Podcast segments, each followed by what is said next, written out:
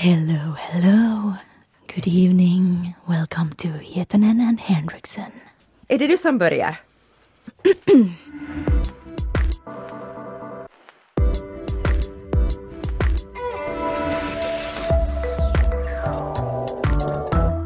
Hej och välkomna i vårt sällskap.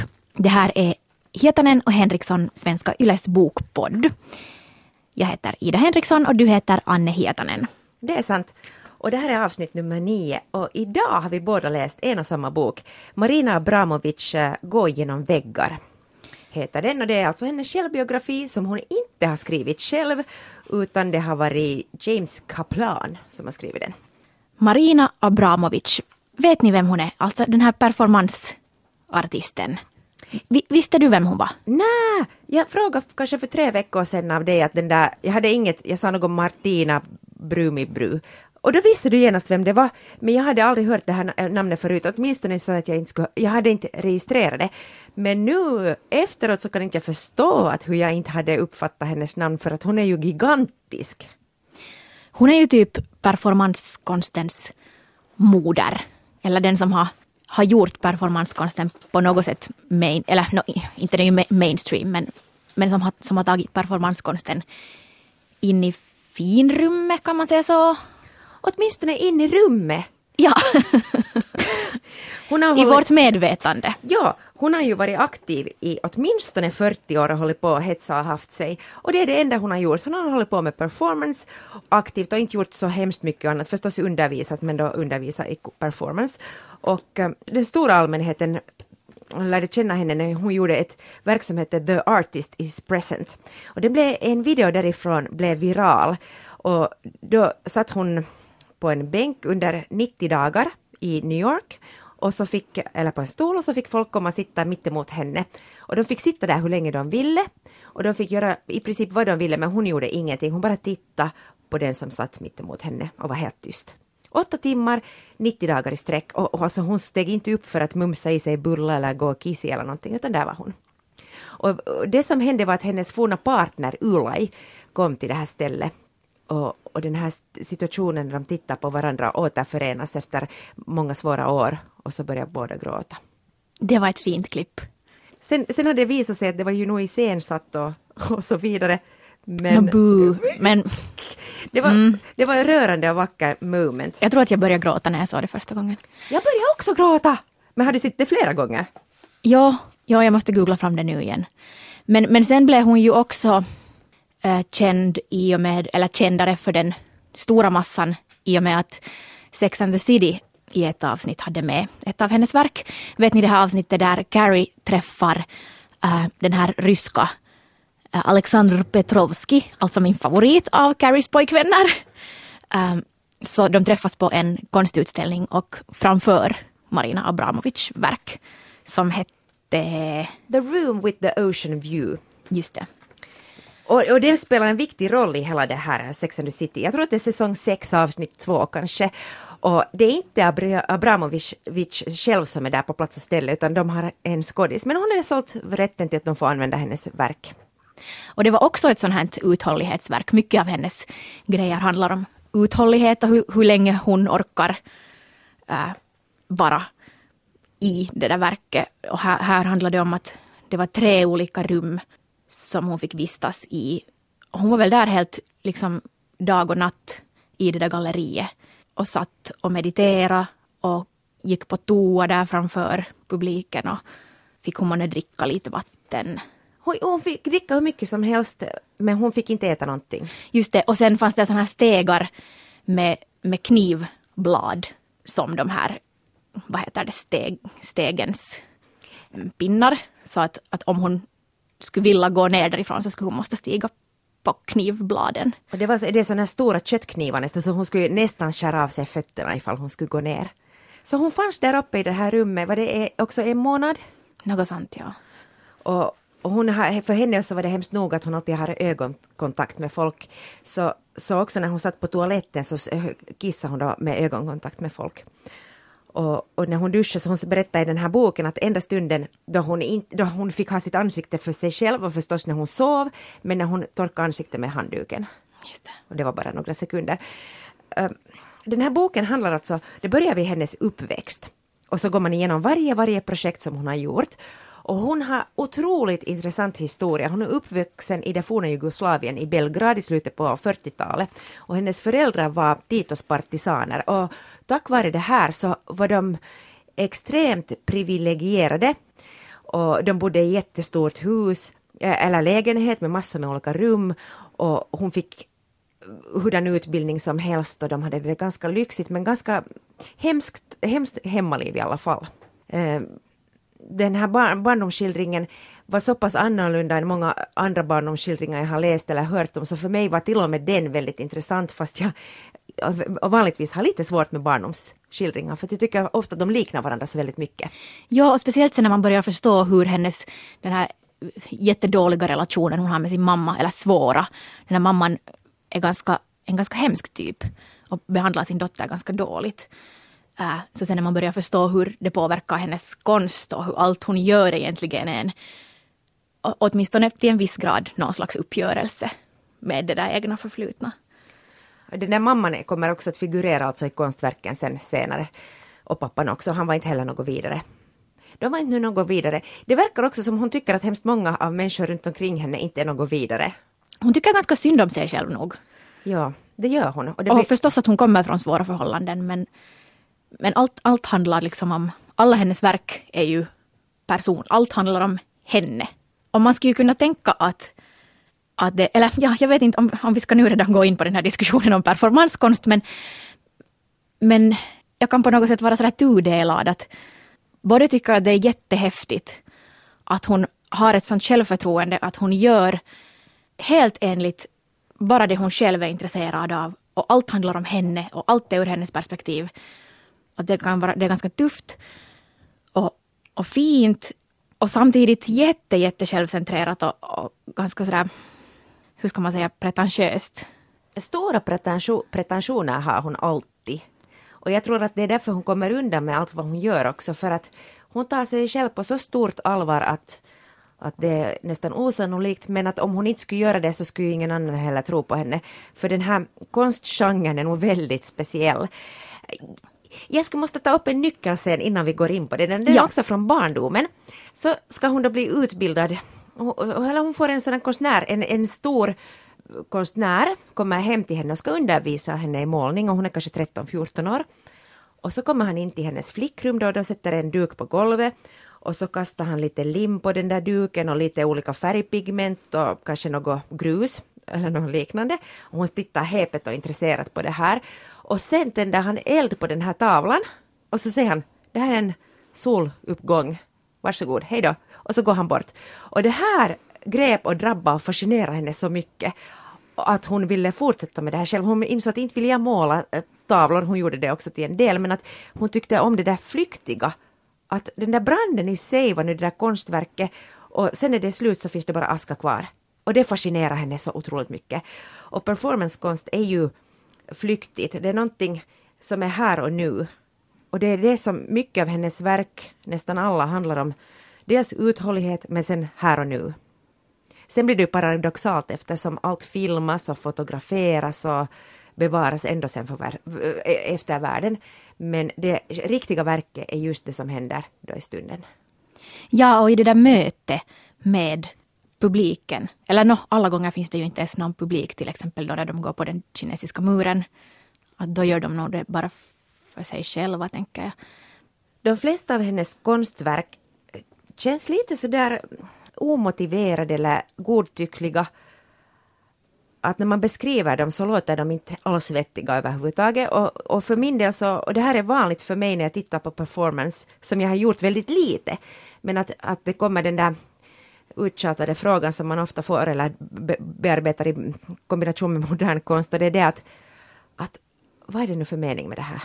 Att är det här konst? Ja, och också det där att no, men jag skulle ju ha kunnat göra det där. Mm, men du gjorde inte. Att bara det att få den där idén som, eller liksom det tänker jag på något sätt att, att måste vara det där, att vem som helst skulle ju kunna i princip göra det där. Men, men att ens tänka att det här skulle kunna vara konst är så långt ifrån det där konventionella. Att det, det kanske som är fascinerande tycker jag med henne, att varifrån, hur kan hon, varifrån kommer de där grejerna? Och just det där självförtroendet att bara sitta på en hög av ruttnande koben och säga att det här är och vinna liksom huvudpriset på Venedigbiennalen. Jag kan beskriva ett av hennes konstverk. Jag, jag, blev så fascinerad av den här boken att jag eh, genast hastigt och lustigt måste besöka Stockholm och Moderna Museet, var det nu finns en, en retrospektiv och sen också hon är också där på plats och ställe. Eh, nu har hon farit bort, men under en veckas tid så var hon där också och hade ett, ett tillfälle där man fick gå in i ett rum och där var hon också. Det var tre, fyra, fem timmar långa köer till den, så jag köade inte till den, men det, det här köande och väntande som ofta hör ihop också med hennes konstverk, så är en del av performanceinstallationen. Nåväl, eh, jag kan berätta ett av de här konstverken, till exempel ett av hennes mest kända. Så det heter Thomas Lips, eller Lips of Thomas. Och eh, det gick ut på att hon satt vid ett bord och så åt hon ungefär en liter honung med en sked och så drack hon vitt vin och några andra då viktiga saker som hon gjorde.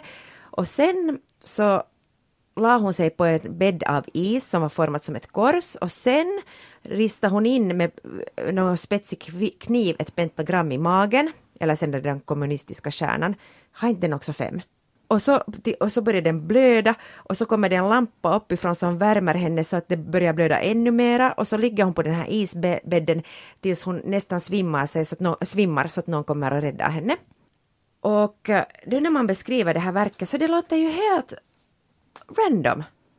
Eller hur? Men sen så läste Ja, varför skulle man vilja se något sånt? Och varför kommer hon på att varför ska hon äta just det där honungen en deciliter och varför ska hon just dricka det där vinet och att, att för hon är extremt noggrann med att, att hon berättar hur det här verket ska utföras och sen övar hon aldrig men sen ska det utföras exakt så om, och sen så är det inte slut förrän hon då nästan svimmar eller då dör. Och i flera av hennes verk har hon på riktigt utsatt sig på riktigt för livsfara. Och för henne har hon sagt åtminstone efteråt, att det är galt om hon dör för att det här konstverket kräver att hon utför det vad hon har bestämt sig för att göra. Men ännu den här Thomas Lips som jag berättade om, just så läste jag en, en liten mm, recension av det, eller en tolkning av det, det verket. Och det är Aftonbladet, där skrivs det så här att eh, Lips of Thomas, som det heter, från 75. Verket går att förstå politiskt som en kommentar till det kommunistiska folkets uppoffringar och metafysiskt som en hälsning till alla tiders flagellanter och deras strävan efter syndaförlåtelse. Men framförallt handlar det om transcendens, om att övervinna den egna kroppen och finna ett slags utmattningens extas. Så det verkar som att, så här har jag tänkt, att eftersom den där performancekonsten ofta upplevs som lite meningslöst eller att den inte har, ja, meningslöst. Så människopsyke är ju nästan kanske funtat så att man inte står ut med meningslöshet och då börjar man det startar en process i ens huvud för att hitta möjliga tolkningar som skulle kunna försvara det här arbetet. Och då blir recensenterna går liksom helt galna och börjar dra, och, och man kan ju tolka nästan vad som helst till vad som helst. Och jag tror att det är lite en del av det som hon också lever på, att hon vet att vi går i ett kontrakt med henne, att okay, hon tror på det här projektet så mycket och då måste jag försöka ge något av mig själv för att försöka ta det på allvar. Ja, eller hur? Men, men tror du att hon bara sen skrattar hela vägen till banken? Eller, eller för mig kan det ibland kännas att, att hon... Tänk om hon inte på riktigt har någon tanke bakom en grej. Att hon vill bara se hur långt hon kan gå. Hur mycket hon kan göra och kalla det konst och att folk ändå tar det på allvar och kritikerna hyllar det. Och... Utan vidare måste hon ju ha det och säkert, säkert no, det kommer ju inte fram i bok, den här biografin och hon skulle aldrig kunna avslöja något sånt. Men no, kanske den dagen hon dör då så skulle hon kunna säga haha. Men nu tror jag att det är sådana här sociala experiment också. Ja, det att måste ju vara. Det är lite, ibland känns det som kejsarens gamla kläder. Men hej, äh, får jag fråga, hur var den där utställningen? Alltså du såg det var, det var då återskapade verk. Det, alltså, alltså det var skådisar som agera istället för henne. Ja, eh, det, det fanns egentligen bara två verk som hon hade utbildat de här artisterna så att de kunde reakta den här hennes performance. Och eh, en, en då är en kvinna som i åtta timmar putsar ett skelett och, och, och, det, blir bara, det blir aldrig rent och, där, och hon blir bara själv smutsigare och smutsigare ju mer hon putsar det skelettet. Så det såg jag. Och då var det en flicka som satt där i åtta timmar och gjorde det. Också det här att hon, går in, hon, hon sitter i åtta timmar och, och gör det. Och den andra var um, Artist must be beautiful, art must be beautiful. Och det, det är en som kammar håret jätte sådär hårt och um, våldsamt så att det kommer blod och håret lossar jag såg inte den, jag såg bara den här som putsade det här skelettet det var, helt, det var inte alls intressant för mig. Jag, jag, jag, tyckte inte att det var så intressant. Och sen måste jag också säga att hela den här utställningen skulle vara en katastrof för mig om inte jag skulle ha läst biografin först och läst allt tillblivelseprocesserna och mottagande och historien, att jag hade alla de där berättelserna runt omkring för att hennes liv är ju något av det mest fascinerande man kan tänka sig. Så alla de här verken i sig var inte så speciella för mig. Kanske för att jag är också en novis inom den här genren. Men, men jag har ju nog blivit intresserad av den nu. No, men sen pratade du med, med de här människorna som köade till den här grejen där hon själv var inne. Va, vad sa de typerna då? No, för hon har tidiga, hennes tidiga konstverk har alltid varit väldigt, väldigt våldsamma, blodiga och, och så här farofyllda och så. Men nu på senare tid har hon gått mot mera sån här lugn lugna saker och just att man ska sitta, vara stilla och hitta sig själv. Och hon vill att publiken ska kunna gå in i sig själv, att hon är på något sätt som en spegel. Och, och det där, nu jag kan ju berätta lite vad det går ut på, för nu, nu är det inte någon spoiler, för det var bra sådär, då sa alla i kön att det är bäst att du inte vet om vad som ska hända där inne, för det kan förta effekten. Och, och det är ju så också att, att man får inte filma, där det en av grejerna är då att du köar och sen måste du lämna ifrån dig telefoner och allt, allt, lite, ta bort skorna och liksom lite klä av dig så här. Och sen går du in i en stor, stor sal, det var en gammal kyrka som inte mera kyrka, och där inne fanns det massor med olika körer som sjöng olika sånger.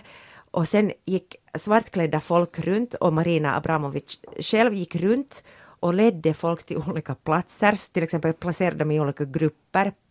Eller någon kunde de sätta och ligga och så kunde de komma och smeka någon. Och, och, och sådana har hon haft på sistone. Och det här låter ju jag kan bra tänka mig att jag skulle varit så kritisk där inne att what the, vad är det här? Att, men det här är ju ingenting. Men jag, jag pratade med kanske en 20-30 stycken som kom ut därifrån och inte en enda var kritisk.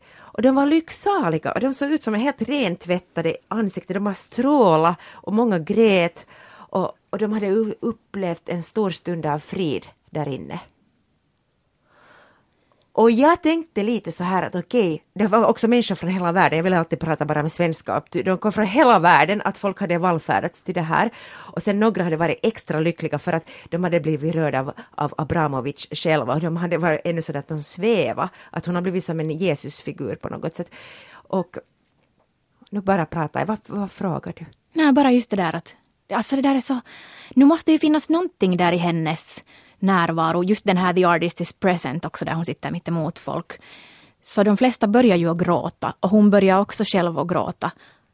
Att, att, att nu måste hon ju vara på något sätt extremt öppen för de där mötena.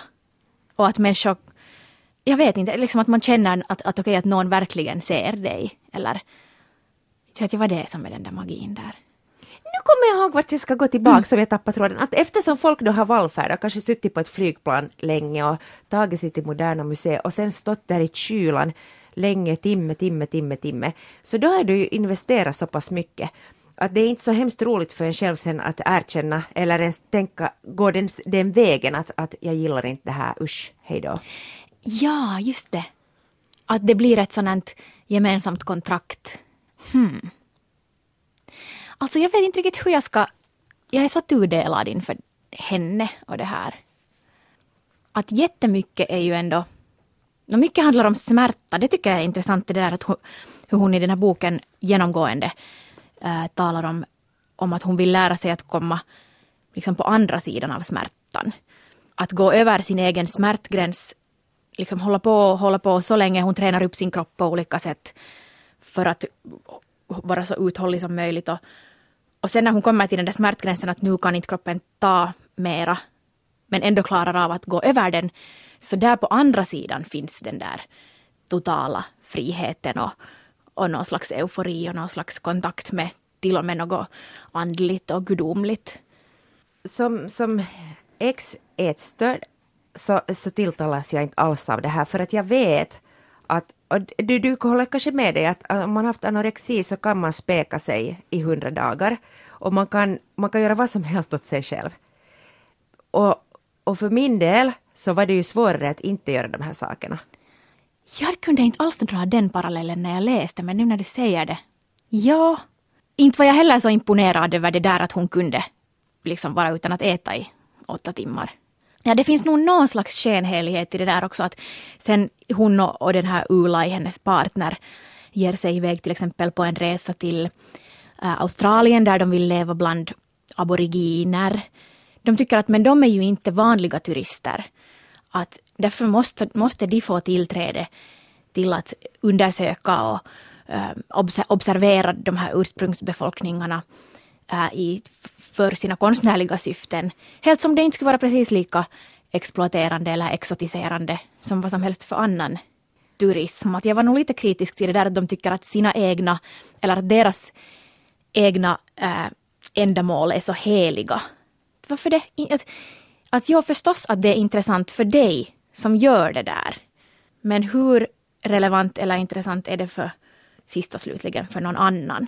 Hela den här hennes verksamhet att jag fattar att det kan vara intressant att se var dina egna gränser går, men... Alltså hon är så provocerande nog. Men samtidigt så... Ah, gästas, jag vet att du sträckläste det här på en dag och jag läste den också på en eller två dagar. Och jag har varit så uppslukad av det, det har varit så spännande och det har varit så, så annorlunda historia. Ja, du sa att den till och med förändrar ditt liv. Ja, den förändrar mitt Vad liv. Vad menar du med det?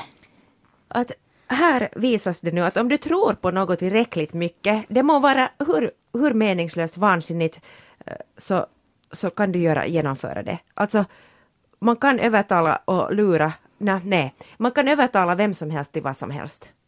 Nästan.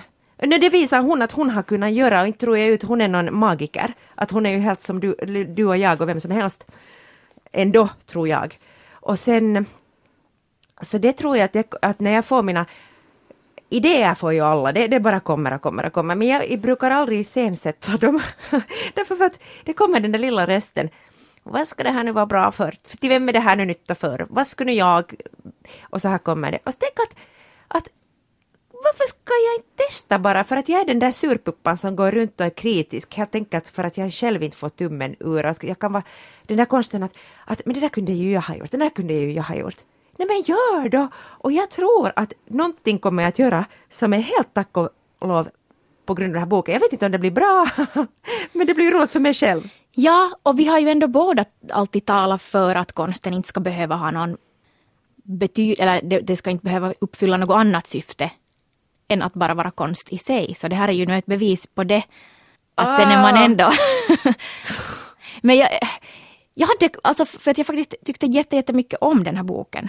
För att den, var, den väckte så mycket tankar. Och jag fick lite samma upplevelse som när jag läste Paddy Smiths den här Just Kids. Mm, som, som också var lika omvälvande och lika sådär uh, att så här kan man också leva och bara låta sig uppslukas av konsten 100 procent.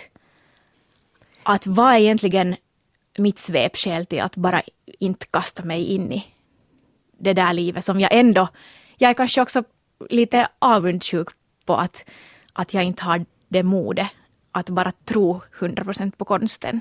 Mm. Att du lever och andas det och just som Abramovic är färdig att dö för det när som helst. Har du fått några sådana direkta impulser att nu tänker jag göra det här? Det är en hemlighet. har du? Alltså ja. Uh, Nej, för att på något sätt så jag blev så sugen på hela det här genren performance att jag, jag, nej men, jag fick en lust att utföra någon, någonting. Att faktiskt ställa mig på en scen och göra något burleskt. Nej, det behöver inte vara burleskt, men göra någonting. Jag blev jättesugen på att bara forska i det här. För att jag vet att teater, teater sägs ju oftast vara motsatsen till performance. Och jag vet att teater skulle, det kan, jag beundrar skådespelare, jag skulle aldrig kunna, det kan jag inte, det har inte jag talang för för det minsta, tvärtom.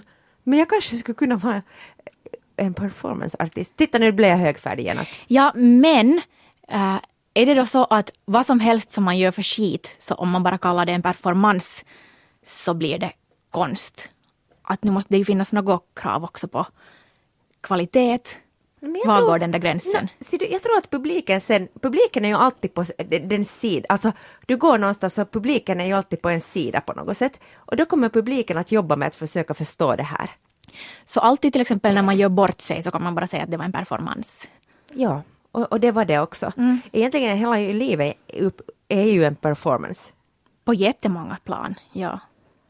Men Abramovic säger själv att det var något skede som det var så populärt och det fanns så mycket skräp runt omkring. Alltså folk bara, man klädde bara av sig och ropade lite och så sa man att det här var performance. Att hon vid något skede inte använde det ordet om sig själv för att hon tyckte det var så pinsamt. Mm. Men sen har hon ju en sån här utbildning också och, och håller mycket kurser och, och hon har uh, utarbetat en sån här egen metod för hur man ska öppna upp sig för performancekonsten. Som bland annat Lady Gaga har gått en sån här tre dagars utbildning med henne. Det finns en, en video på det om man googlar. Det skulle jag vilja göra. Där, där ingår till exempel att, eh, uh, no, att inte äta på tre dagar och vara i total tystnad. Men sen sådana grejer som att, att vara ute i skogen och så får man en ögonbindel och så ska man hitta hem. Eller liksom hitta tillbaka utan att se och, och bara känna efter. Och, Usch! Och du... Alltså det skulle vara så roligt, det skulle jag på riktigt, det är min dröm. Men hur ska du hitta därifrån med ögon? Jag alltså... vet inte, men jag tror kanske man liksom sen är så pass att alla sinnen är så öppna att du kan bara känna. Den här Lady Gaga-grejen blev ganska stor för hon klädde av sig naken eh, när hon gick den här metoden och det där, hon fick jättemycket bra reklam tack vare Gaga. Mm. Jag skulle inte vilja gå den där utbildningen. Därför att jag har så svårt att lita på metoder och, och till exempel jag har ofta, går ju på yogakurser en gång i året på någon retreat eller någonstans och det, ofta är det meditation som ingår och jag brukar ofta skippa dem. Men ibland är jag med på sådana timmes meditation och då får du ju inte röra dig och ingenting. Och så tänker jag alltid att den där chefen, gurun där framme, så tänker jag att sitter han och smygsurfar på sig själv och skrattar, och de är ju ofta jättedyra de där, att sitter han här och skrattar att han gör ingenting och så får han våra dollars. No, antagligen. Men jag har också varit på sådana tysta tystnadsretreat. Och jag tänker att det är liksom lite för löst eller för slappt för mig att jag skulle behöva ännu mera. Vet du, jag behöver det där att det finns de där strikta ramarna. Aha, men skulle du inte på dag två tänka att men varför ska hon bestämma vad jag gör nu? Nej, för att då har jag ju ingått ett kontrakt med henne att jag antingen helt ärligt eller åtminstone på lek nu den här perioden, den här tidsperioden, tror på henne och går med i den där grejen.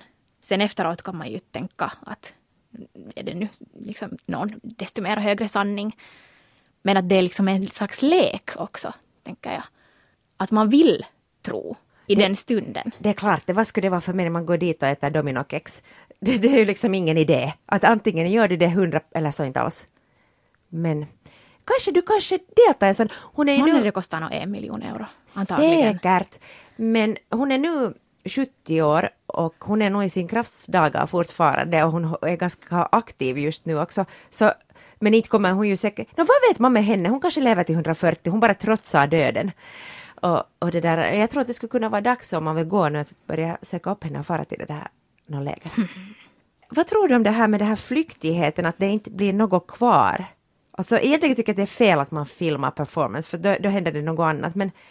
men är inte det egentligen så med all konst? Inte vet jag om det är exklusivt för performancekonsten.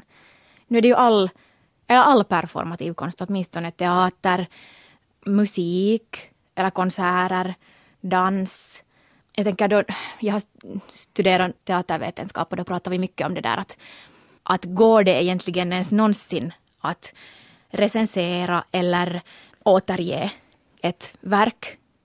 Eller blir det inte alltid någon slags historieskrivning? Och den kan aldrig vara helt objektiv. Men så är det ju. Ja, så inte det är ju ensam performanskonsten som berörs av det. Jag vet inte varför jag upplever att den skulle vara just sådär... Mm, hmm. För att den skulle vara då specifikt sådär jätteflyktig.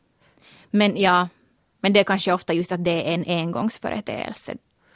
Inte- De upprepar ju inte sina verk så jättemånga gånger. Fast nu gjorde de det också. Hon har ju själv tagit så här kända performancekonstverk och uppfört dem på nytt. Var det på MoMA? Och då var, då var det ju hennes tolkning av det ursprungliga verket. Men där får du ju just det där som du alltid pratar om att du som åskådare äger det där verket. Så hur känner du, liksom, accentueras det inte här på något sätt extra mycket? Jag vet inte, för att jag vet att när hon började med performancekonst så då var det så en riktning som var att konstnären äger verket. Helt och hållet.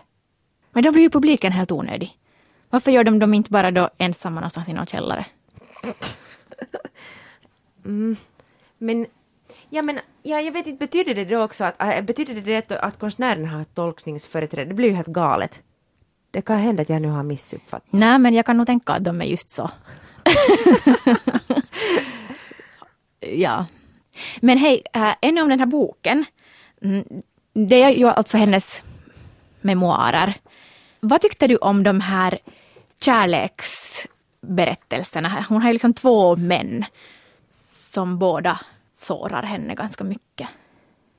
Det, det var, de var starkt och fint skrivet och hon lät sig visa sig själv väldigt sårbar trots att hon annars alltid är så stark. Och det tyckte jag var starkt att hon kunde visa hur hon hade blivit sårad till döds av de här kärlekarna. Ja, det var ungefär enda gången som hon medgav något, någon svaghet i förhållande till de där männen. Man skulle inte ha väntat sig det av henne så som vi känner henne, att, att hon medgav det. Men det kan ju vara tröstande för många andra. Extremt tröst. Det kändes för mig åtminstone att då blev hon lite mera människa. Jag tyckte nog lite synd om henne. Jag tänkte så vad, vad hemskt att det verkar som att de där männen ville ha henne pri- primärt för hennes pengar. Ja, och båda av dem hade svårt med att hon var en bättre konstnär än dem. Att det tog jättemycket på deras ego. Ja, de var, de var lite sådär golddiggers, um, charlataner, inte, kanske till och med fejka sitt intresse för konsten för att vara med henne och ha, ha nytta av hennes grejer. Jag spekulerar fritt nu. Det här gäller nu inte Ulaj, men den här sista italienska gigolon. Ja. Ja, ja. Oj, vad den här var spännande. Och sen så tyckte jag du har läst den här som e-bok. Men, men det fanns väl också vissa bilder i den. ja, men där fanns inte de där ljuvliga färgbilderna som jag nu ser här i ditt exemplar. Va? Alltså, den, den här är ju jätte... Alltså, ja. Nu, nu kan man ju säga att det också är en genomgång av performancekonstens... Eller en introduktion till den här genren.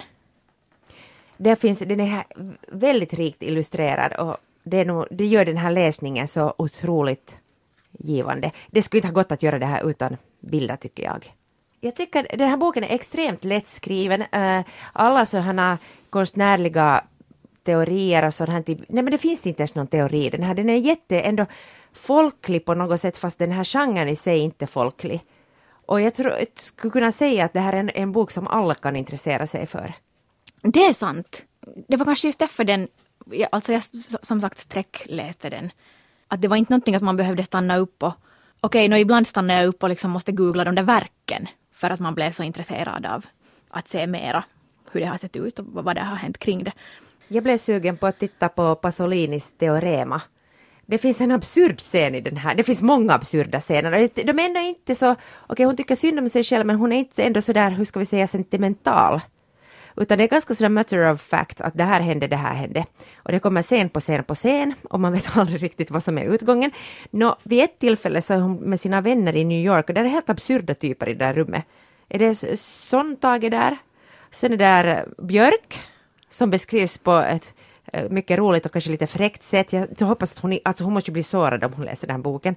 Och sen var det några andra speciella typer. De tittar på Teorema tillsammans. Och Abramovic säger att det är den absolut viktigaste och bästa filmen hon har sett. Men nu är det ju jättemycket sådant namedroppande av kändisar, att hon vill... Där ser man igen, där kommer hon igen lite mer ner på en mänsklig nivå. Som egentligen är ganska skönt. Att hon också tycker att det är lite coolt att hon hänger i sådana kändiskretsar. Och, och sen är hon förtjust i designer, att få designerkläder och allt. Att det här, vet du, västerländska lyxen och alla popstjärnor. Alltså hon är nog så förälskad i det. Jo, jo, efter att de har levt många år i en paketbil och, och levt liksom sånt här eh, romantisera det här fattigdomen och rotlösheten. Så sen eh, vänder det helt om och hon börjar beställa en massa måttsydda plagg av Valentino. Och, och, det måste man ju unna henne. Hon hade alltid skämts över sin näsa och sin kropp och känt sig som den där fula klumpiga flickan från Belgrad med märkliga föräldrar. Att men nu måste man ju unna det åt henne. Jag tycker att den här äh, Kaplan som har skrivit den har gjort ett jättefint verk, att han måste ha intervjuat henne så för, för, förbannat många dagar. De har säkert haft ganska mycket uthållighet för att få den här till stånd. Och jag tycker bara att han har gjort ett jättefint jobb. Jo, för jag hörde bara hennes röst hela tiden. Undrar hur de har, är det liksom bara baserat på intervjuer, eller hur gör man en sån här? Jag tycker att, att hon har sagt att det var sådana långa, långa samtal. Och sen finns det vissa partier är kursiverade. Och jag vet inte riktigt varför de är kursiverade, men är det så att det är från hennes dagbok mera på riktigt, att hon själv faktiskt har skrivit det?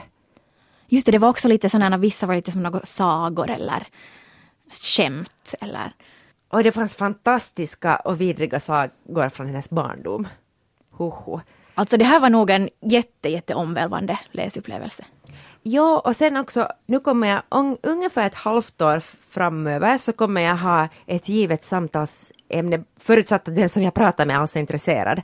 Att ja, ja, bla, bla, bla, jo, jo. Och, och, så kan man prata om henne. Och tänk att du ännu fick se den där utställningen just. Ja, den pågår i Stockholm ända fram till 21 femte. Så, och sen finns det också Alltså själva den här ena som hon gjorde i kyrkan, så den är slut nu. Men sen finns det också filmer. Det finns en film som heter The Artist is Present och sen en annan också som de filmade, var det hon och Ola som var filmad, så den finns också. Så inte vet jag om man behöver, egentligen så inte vet jag nu om jag behövde gå på den där utställningen, men det var som en rolig förlängning till den här boken. Boken var en tusen gånger större upplevelse än, än utställningen. Sen så deltog inte jag i det, när man kommer in där så får man sätta sig vid ett bord och så finns det en hög med ris, det är kanske 20-30 platser och så får du sitta och räkna ris där. Och det är meningen för att du ska komma i sån här öppet bra tillstånd för att kunna ta till dig de här verken. Och det där, jag satt ju inte där men att man, man får sitta ganska länge om man ska räkna riskornen i en rishög. Så det gjorde jag inte. Jag kanske borde ha gjort det. Det där är ganska vanlig grej tycker jag inom performancen, just att man något sånt monotont för att komma in i något annat tillstånd. Kanske vi alltid borde sitta här och räkna riskor före vi börjar banda in den här podden. Eller att man borde göra det innan man lyssnar på det. Man borde utföra något riktigt långtråkigt och vidrigt i tre timmar i tystnad och sen så lyssnar man på oss och då tycker man att det är jättehärligt. Bara för att det är så bra kontrast från det där tidigare. Då blir vi era gudinnor. Ja. Kan ni snälla fasta i tre dagar innan ni lyssnar på nästa avsnitt? Tack. Om ni inte vill göra det, om, om ni har någonting annat på hjärta, så kan ni alltid mejla oss på anne.hietanen.yle.fi eller ida.henriksson.yle.fi. Tack för idag! Det här var lite annorlunda avsnitt. Jo, jag blev ibland lite osäker, att pratar vi nu alls om, om litteratur? Kanske det inte behöver finnas så strikta gränser heller. Nej, nej det behöver det väl inte. Det här är alltså en Svenska Ylepodd. Vår producent heter Kia Svetihin. Han som har tagit våra bilder heter Björn Karlsson. Och det är ungefär det. Är ungefär det. Men jag tänker så här att på det, nästa bokmässa, Ida, så ska du och jag utföra ett verk. Nakna. Ja. Eller du är naken och, och jag har på mig en hatt. Och det är sen en kommentar till um, det politiska läget i mm. vad som nu händer på hösten och typ kapitalismen och sexismen i samhället. Ja, i synnerhet det.